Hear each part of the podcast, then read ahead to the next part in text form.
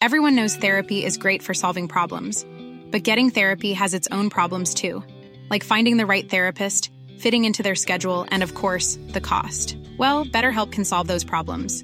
It's totally online and built around your schedule. It's surprisingly affordable too.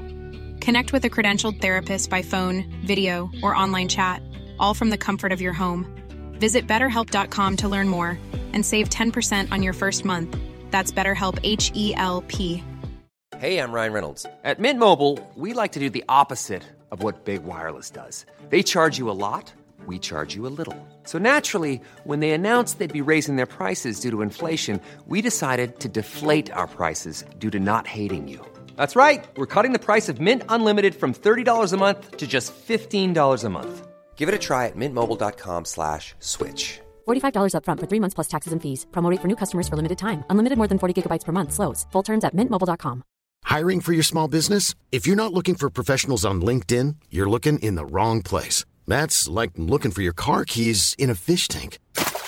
LinkedIn helps you hire professionals you can't find anywhere else, even those who aren't actively searching for a new job but might be open to the perfect role. In a given month, over 70% of LinkedIn users don't even visit other leading job sites. So start looking in the right place. With LinkedIn, you can hire professionals like a professional. Post your free job on linkedin.com slash people today.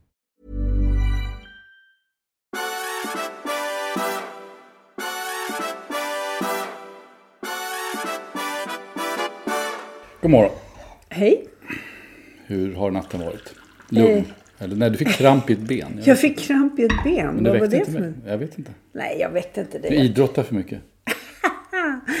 Eh, Jag tänkte att eh, vad ska du göra åt det, kära vän? Pratar man göteborgska när man har fått kramp i ett ben? Det känns parodiskt att ha ett kramp i ett ben. Ja, jo, det är lite Weiron i ottan. Nu vill jag inte driva med hela Göteborg bara för Jo, det jag... tycker jag vi ska göra.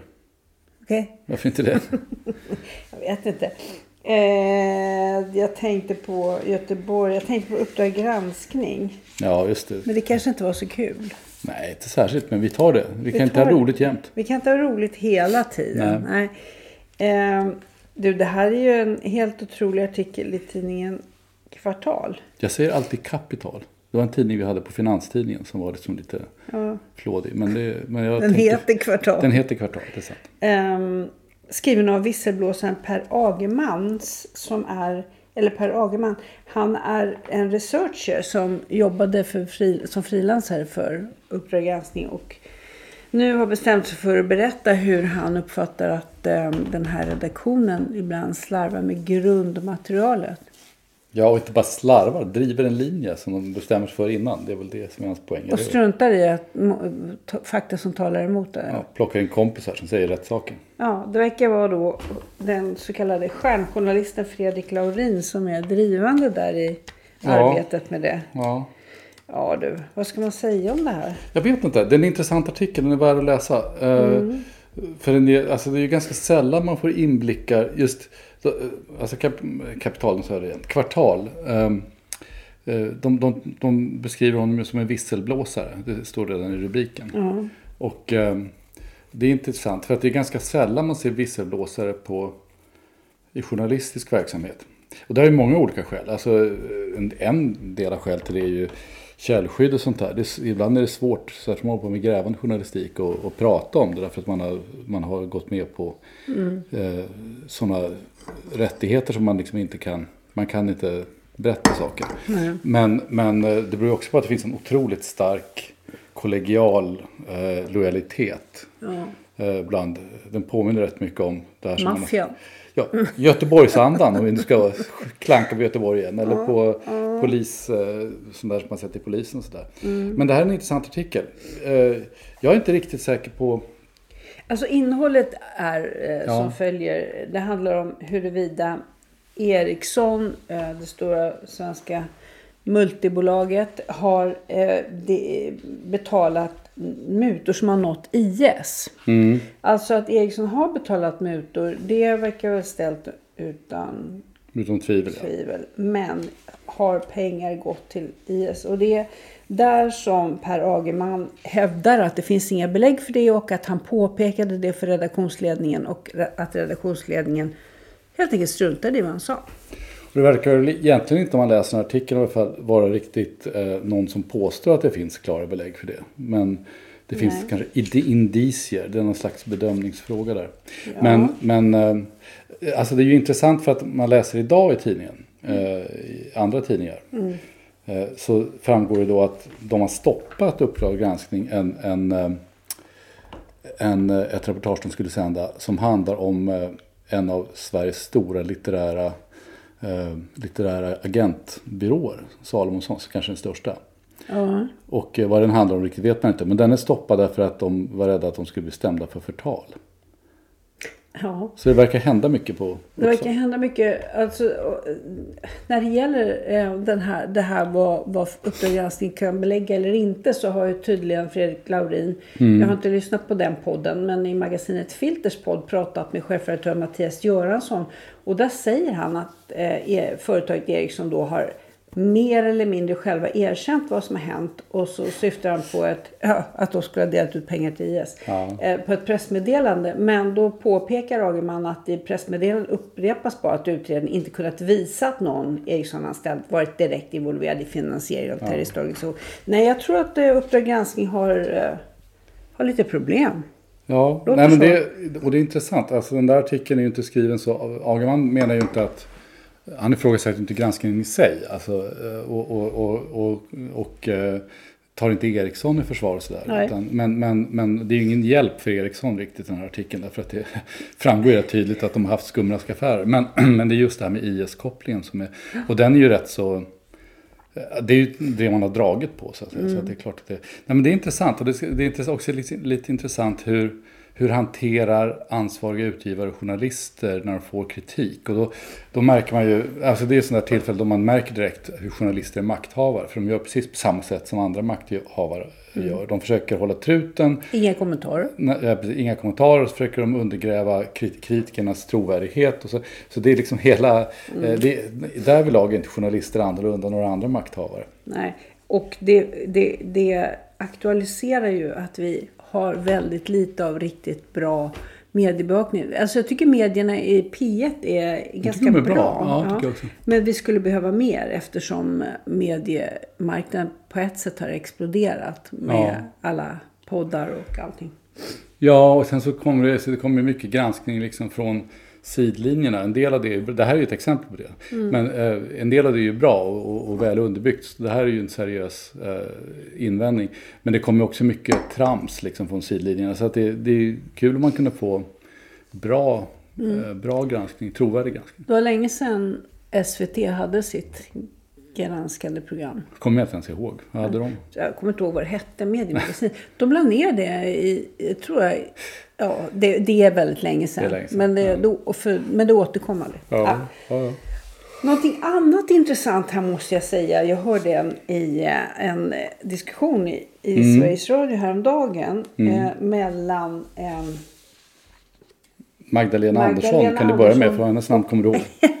Tobias Andersson. Ja, just det. Som är Sverigedemokrat. ordförande, Sverigedemokrat och ordförande i, i näringsutskottet i riksdagen. Mm. Eh, Det var en otroligt intressant eh, diskussion där Tobias Andersson tog liksom ledningen genom att säga att, att man var emot det här med lotterier som eh, drivs Ja. av parti, politiska partier därför att det här var inte bra för spelmissbrukarna. Det vill säga sossarnas A-lotteri. Ja, det var är egentligen de- det lotteriet han avsåg. Eh, och, eh, och det där var ju eh, liksom en putt i veka livet på Magdalena för att det gick ju liksom inte att, att riktigt komma undan det där med spel och missbruk och, och sådana där saker. Så hon, hon försökte med en annan linje och då sa hon att nej, det här är ju ingenting som är specifikt för Socialdemokraterna utan ja, till exempel Moderaterna har ju också försökt sig på ett eh, lotteri. Eh, Och, eh, men de var inte lika framgångsrika som vi. Och då ser man hur de liksom cirklar in sig i fel hörna. För att vadå, vara framgångsrik på att eh, sätta spelmissbrukare i, eh, i klistret är väl inte så mycket bra. Eh, och sen när man läser tidningen idag så går den in på det här med att man har varit avundsjuka på vårt lotteri, lyder en eh, rubrik i Svenska Dagbladet. Jag tyckte det här var intressant för det sättet, för jag, jag tog... eh, Och så var det dessutom då en nyhet idag om att, att Sverigedemokraterna säger att man bör ha ett politiskt inflytande över kulturpolitiken trots de här diskussionerna om armlängds avstånd. Därför att det innebär eh, ett större mått av demokrati. Och det är ju också ett sånt argument som Socialdemokraterna älskar. Nämligen att om man får bestämma, politiker får bestämma så blir det mer demokratiskt. Mm. Båda de här två, nu väntar jag bara på nummer tre. Men båda de här två positionerna är ju ett sätt att ta över helt enkelt Socialdemokraternas Ja, det är väl det man ser. Alltså, jag tycker det här med A-lotteriet är intressant. Alltså, det är ju klart att det är väldigt känsligt för Socialdemokraterna. För jag tror de får ungefär hälften av sina inkomster från A-lotteriet. Och de delar ju ut det där också till närstående organisationer och sådär. Så att det är ju ett sätt att binda lojaliteter till partiet och sådär.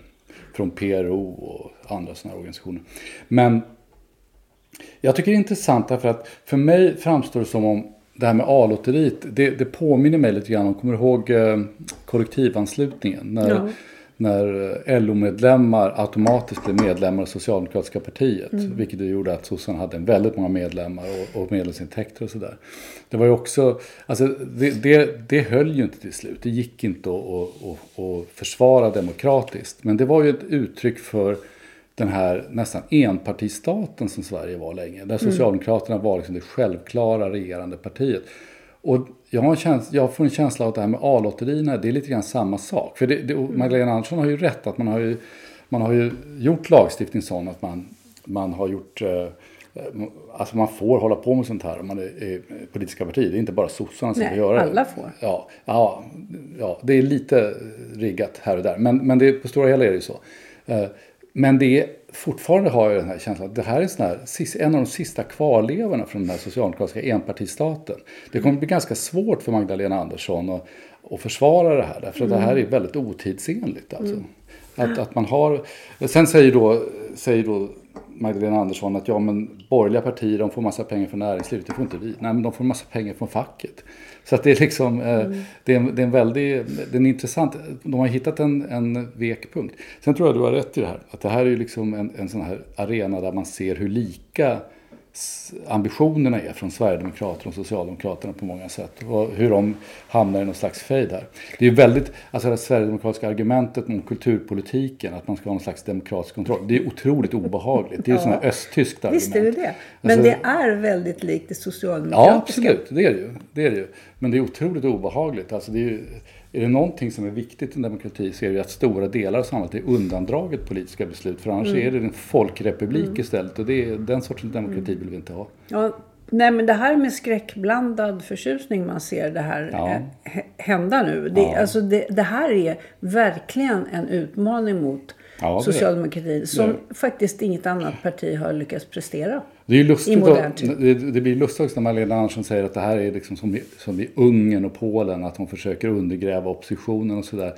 Eh, Det blir ju väldigt kluvet för att det är ju mera likt eh, de, de åtgärder man tog i den här typen av gamla kommunistländer när man skulle göra sig av med kommunistpartiets makt. Det vill säga, det här är en gammal rest från en socialdemokratisk eh, eh, dominans som finns kvar. Så att det, det, det handlar ju mindre om att att sänka sossarna mer om att, så att säga, göra någon slags eh, eh, rimligt plant spelfält. Men eh, ja, ja. Nej, men det är intressant. Ska se hur det där går. Jag tror att det blir svårt för sossarna att försvara det här. Eh, inte bara, nu tänker jag inte på majoriteten i riksdagen utan nu tänker jag på rent argumentationsmässigt är det nog svårt. Ja, sen hade Torbjörn Nilsson en intressant artikel Ja, i Svenskan. Svenskan i, häromdagen. Ja, ja. Eh, som ju handlade lite grann om, jag vet inte hur man ska beskriva det, men Torbjörn Nilsson tyckte väl att Magda Andersson var lite handfallen när det gäller liksom den ideologiska eh, skolningen, utgångspunkten för Ja, kanske. partiet. Eller i varje fall inte ville, inte ville eller inte kunde riktigt förklara det. Men, men jag tyckte det var en annan poäng också i hans artikel som var intressant. Och det var ju att, att det lät som om Magdalena Andersson liksom hade fått en slags nystart i att definiera sig gentemot Sverigedemokraterna. Vilket jag tror är ett stort misstag. Ja. Att de, de har liksom frigjort sig lite grann från det här att hela tiden tjata om Sverigedemokraterna. Och nu tycker de att de har hittat ett nytt sätt att tjata om Sverigedemokraterna. Det tror inte jag är någon bra idé. Nej, tror inte jag heller. Sen, du, sen har det varit lite dödsfall här. Ja, en jävla massa. Ja, många. Jag tycker Dame Edna var väl den, Barry Humphries ja. ja, tog mig... Barry Humphries var ju en fantastisk person alltså. Australiensare. Som, eh, och han, han, han byggde ju upp en... Alltså han, är ju, han var ju någonting av ett slags vari, gammaldags varietéartist nästan. Men han byggde ju upp ett följe i, i bland, bland rätt högprofilerade britter. Jag, menar, han, han kunde vara, till- jag kommer ihåg att jag läste någon story om han, Hon kanske. ja, eller han var en han, gjorde ju flera olika eh, figurer. Dave Medna var ju bara en figur. Men, men eh, han var på, på lunch hos The Spectator, för de brukade i varje fall ha sådana här högprofilluncher där det kunde komma fina gäster. Så satt man och pratade med kolumnisten och så. Då var prins Charles där. Som ju för övrigt ska krönas om en vecka. Nästa gång vi har podd så är det Charles kröning. Vi kommer inte vara där tyvärr. Ehm, och så satt Barry Humphries bredvid prins Charles och de pratade med varandra. Och så, sen så där någonstans vid efterrätten så gick Barry Humphries ut för han hade en annat engagemang. Så kom han tillbaka som Dame Edna. Och, eh, och prins Charles förstod inte riktigt att det det, var... var- samma person. Nej. Eh, så det blev lite roligt där. Eh, nej men han var ju fantastisk. Men han var fantastisk också därför att det, nu är, liksom det här Ja. väldigt vanligt fenomen. Ja, ja. Men, men på den tiden så hade han ju det här med att han, han ville ju egentligen inte utmana så mycket liksom sexuellt utan han var ju han ville, han ville vara en, en kvinnlig karaktär. Ja, han var en kärring. Han tyckte det var, han ville vara kärring. Så rolig. Rolig, ja, just. Rolig. Ja. Alltså i England har man ju haft ganska lång tradition av det här. Det är rätt intressant. Jag menar, Monty Python gjorde ju hela tiden, de gjorde ju själva kvinnorollerna, alltid så här parodiska, inte fullt lika bra som Dame Edna. Men, men ändå. Och det där går väl tillbaka på, egentligen går det väl tillbaka till, liksom, till Shakespeare, när alla roller spelas av män, även kvinnorollerna. Men eh, alltså mycket music hall-traditionen och sådär. De har ju en helt annan sån eh, tradition av att spela på könen som jag inte, in, vi egentligen bara fått i Sverige med After Dark. Med och det var ju liksom Dark, ja. 70-tal. Ja, En annan person som har dött som, eh, ja du tänkte ta upp Harry Belafonte men det får du vänta med för nu tänker jag Mm. ta upp en annan person som jag tycker egentligen på ett sätt är mer intressant, nämligen Jerry Springer har dött. Ja, just det. Jerry Springer, för de som inte vet det, han, han var ju egentligen politiker från början. Han var eh, borgmästare i Cincinnati något år. Eh, och sen så försökte han bli guvernör i Ohio och det misslyckades. Det var en ganska fantastisk valkampanj. Vad kan det här ha varit? Eh, sent 80-tal, tidigt 90-tal kanske. Där han, en annan tid om man säger så, där han till exempel berättade i sina, eh, inte i en intervju och så, utan i en eh, reklam eh, för sin valkampanj, att han hade köpt sex och betalat med check. Och, Var det modernt eller? nej, det vet jag inte, men det var ju, han ville liksom förklara att han väjde inte för obekväma sanningar ens om de, de gällde honom själv. Nej, okej. Och det gick åt helsike. Men det han då istället fick var ju det här tv-programmet i amerikansk tv. Som var legendariskt. Alltså har man sett det så glömmer man det inte. Eh, Det var, han bjöd in, de diskuterade de mest känsliga privata frågor. Och, eh, och det slutade ofta med att folk skrek åt varandra och nästan handgemäng. Han fick alltid ha vakter där som liksom skilde folk åt de inte pucklade på varandra ordentligt. och sådär. Det var en otrolig, eh, fantastisk uppvisning i, i ohämmad vulgaritet. Eh, och det intressanta med det är ju, då- alltså den showen var, den var ungefär lika stor som Operas show ett tag. Och sen så gick det neråt och sen lades den ner. Men det intressanta med den showen är att man, nu känns den ju ordinär. Så där ser medielandskapet ut ungefär. Alla pratar om, idag i, i eh, jag kommer inte ihåg om det, var nog DN, eh, eh, så är det liksom ett stort reportage om, som en, en skribent skriver om, om min historia på Tinder. Alla, alltså journalister har börjat använda tidningarna som kontaktannonser nu och berättar om att de är ensamma och att de har försökt på Tinder. Eller gjort, det här är åtminstone andra eller tredje gången jag ser en sån här grej. Alltså den här eh, upplösningen mellan det privata och offentliga, den har gått eh, långt. Den är där. Nej, men eh, jag, jag kommer att tänka på Robert Aschberg och TV3. Ja, just det. Just alltså, det. Ja, ja. Äh, vad hette det? Häng med. Rakt på, den hette... Vad fan hette den? Ja, ja. Robbans program, ja. Det var kul. Det var, det var, Han det, det var ju vulgärt då. Han drogs ju inte för... Han för tog dit den där mannen som pruttade. Ja, just det. Han kunde prutta brittiska nationalsången och sådär. Ja. Eh, Mr, eh, han, hette, han hette Captain Methane, tror jag. Ja. Eh, och sen så hade han ju ett program när han bara bjöd in eh, nudister också. Det var ju också en fin sak i svensk tv. Eh, ja. Ja, De gillade Jan Stenbeck. det gjorde han. Ja. Han var en man av folket på det sättet. En, En, men ja. sen har vi ju Harry Belafonte. ja, just det. Mm. Nej, men eh, det, det är ju bara... Det, det, det är ju lite besvärande och det kommer ju inte att bli mindre av det. Det inser man ju direkt.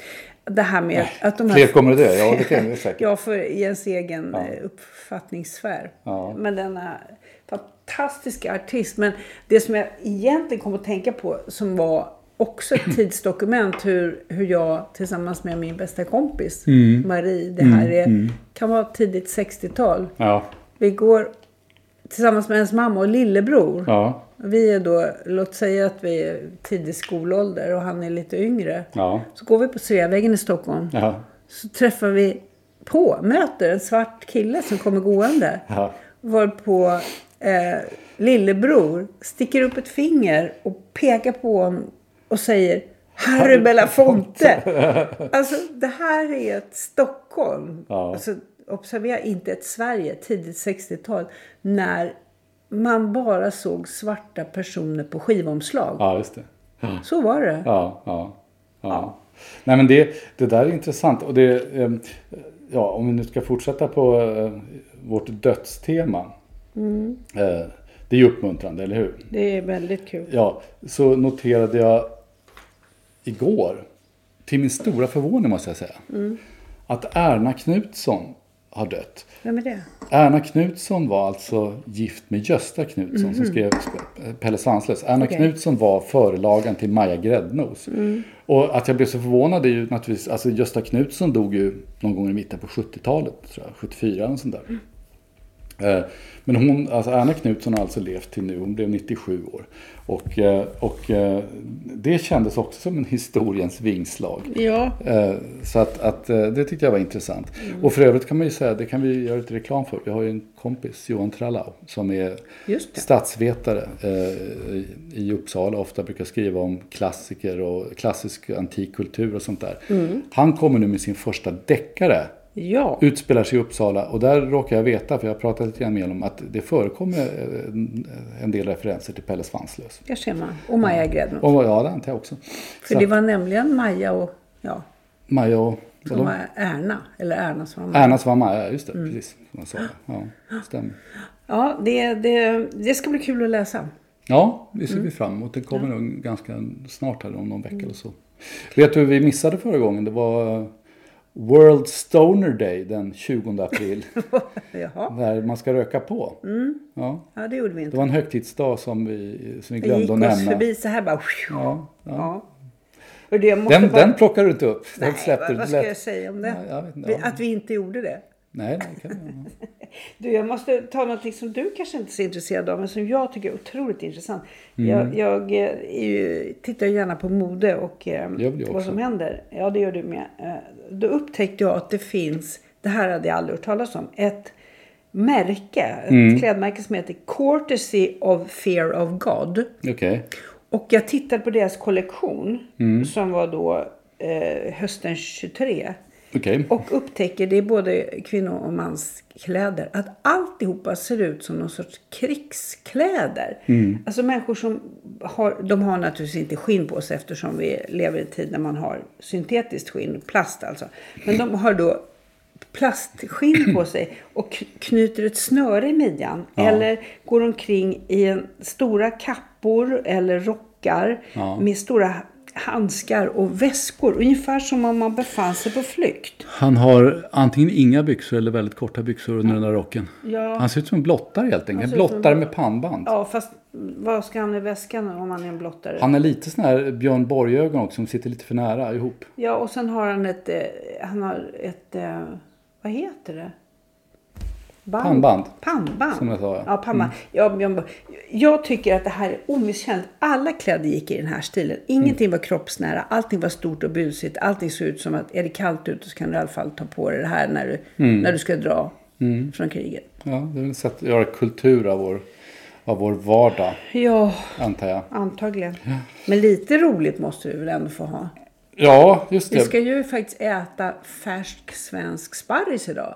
Ja, vi ska ha middag, vi ska middag då. Jag måste Vad till gott det systemet. ska bli. Ja, Kommer jag jag, på. Vi kommer har- inte hindra dig. Vi har vänner som dricker alldeles för mycket så vi måste köpa stora lådor jag. Vi måste underhålla dem. Ja. Det, blir, det blir mycket gott ikväll Det blir faktiskt. mycket gott. Fast vi käkade ju faktiskt på vår lokala restaurang här i Borrby igår också. Ja. Köpmangatan 6. Köpmangatan 6. De är lysande. De, igår hade de en en torsk eh, med en... Hjälp. Sparrisvelouté. Just det, velouté var ordet jag sökte. Sparrisvelouté. Det har jag aldrig ätit fantastisk Det var sås. otroligt. Det var inte bara god utan dessutom vacker. Lite sådär gröngul på ett Ja. jävligt snyggt sätt. Så det var nästan, man, nästan, man grät nästan när man åt den för att man förstörde konstverket. Men man grät inte så Sen mycket. som grät man när man måste åka hem för man måste Ja. sluta äta. Ja, det är sant. Ja, men nu har vi, men nu har vi um, ja, det är ju trädgårdsarbete på gång här också. Vi har lite, får lite hjälp nu att plantera en ny klotlön och ett mandelträd som vi hoppas ska klara sig mot en vägg här. Så är det. Och vi har sk- beskurit rosorna igår. Mm. Eh, Så nu vi, börjar närma oss. Gräsmattan klipptes första gången förra veckan. Av dig. Ja, jo, det var mig. Det utgick det, det var inte, Det det var inte för att skryta jag sa. Det var mer för att placera oss i tiden. Ja. Och jag ska hålla vårtalet i Borrby imorgon. Det är en stor ära. Vid, vid brasan, valborgsbrasan. Vid brasan. Jag ska hålla ett, ett eh, rörande och gripande tal, tänkte Ja, jag. det tycker jag du ska göra. Ja. En hyllning till byn där vi bor. Nästa eh, lördag när eh, Charles den tredje kröns, då ska vi berätta om hur det gick. Det är en cliffhanger. Det är en cliffhanger. Ja. Häng med som Robban Som Aschberg sa. Robban skulle ha sagt, ja. Vi säger så. Hej då. Hej.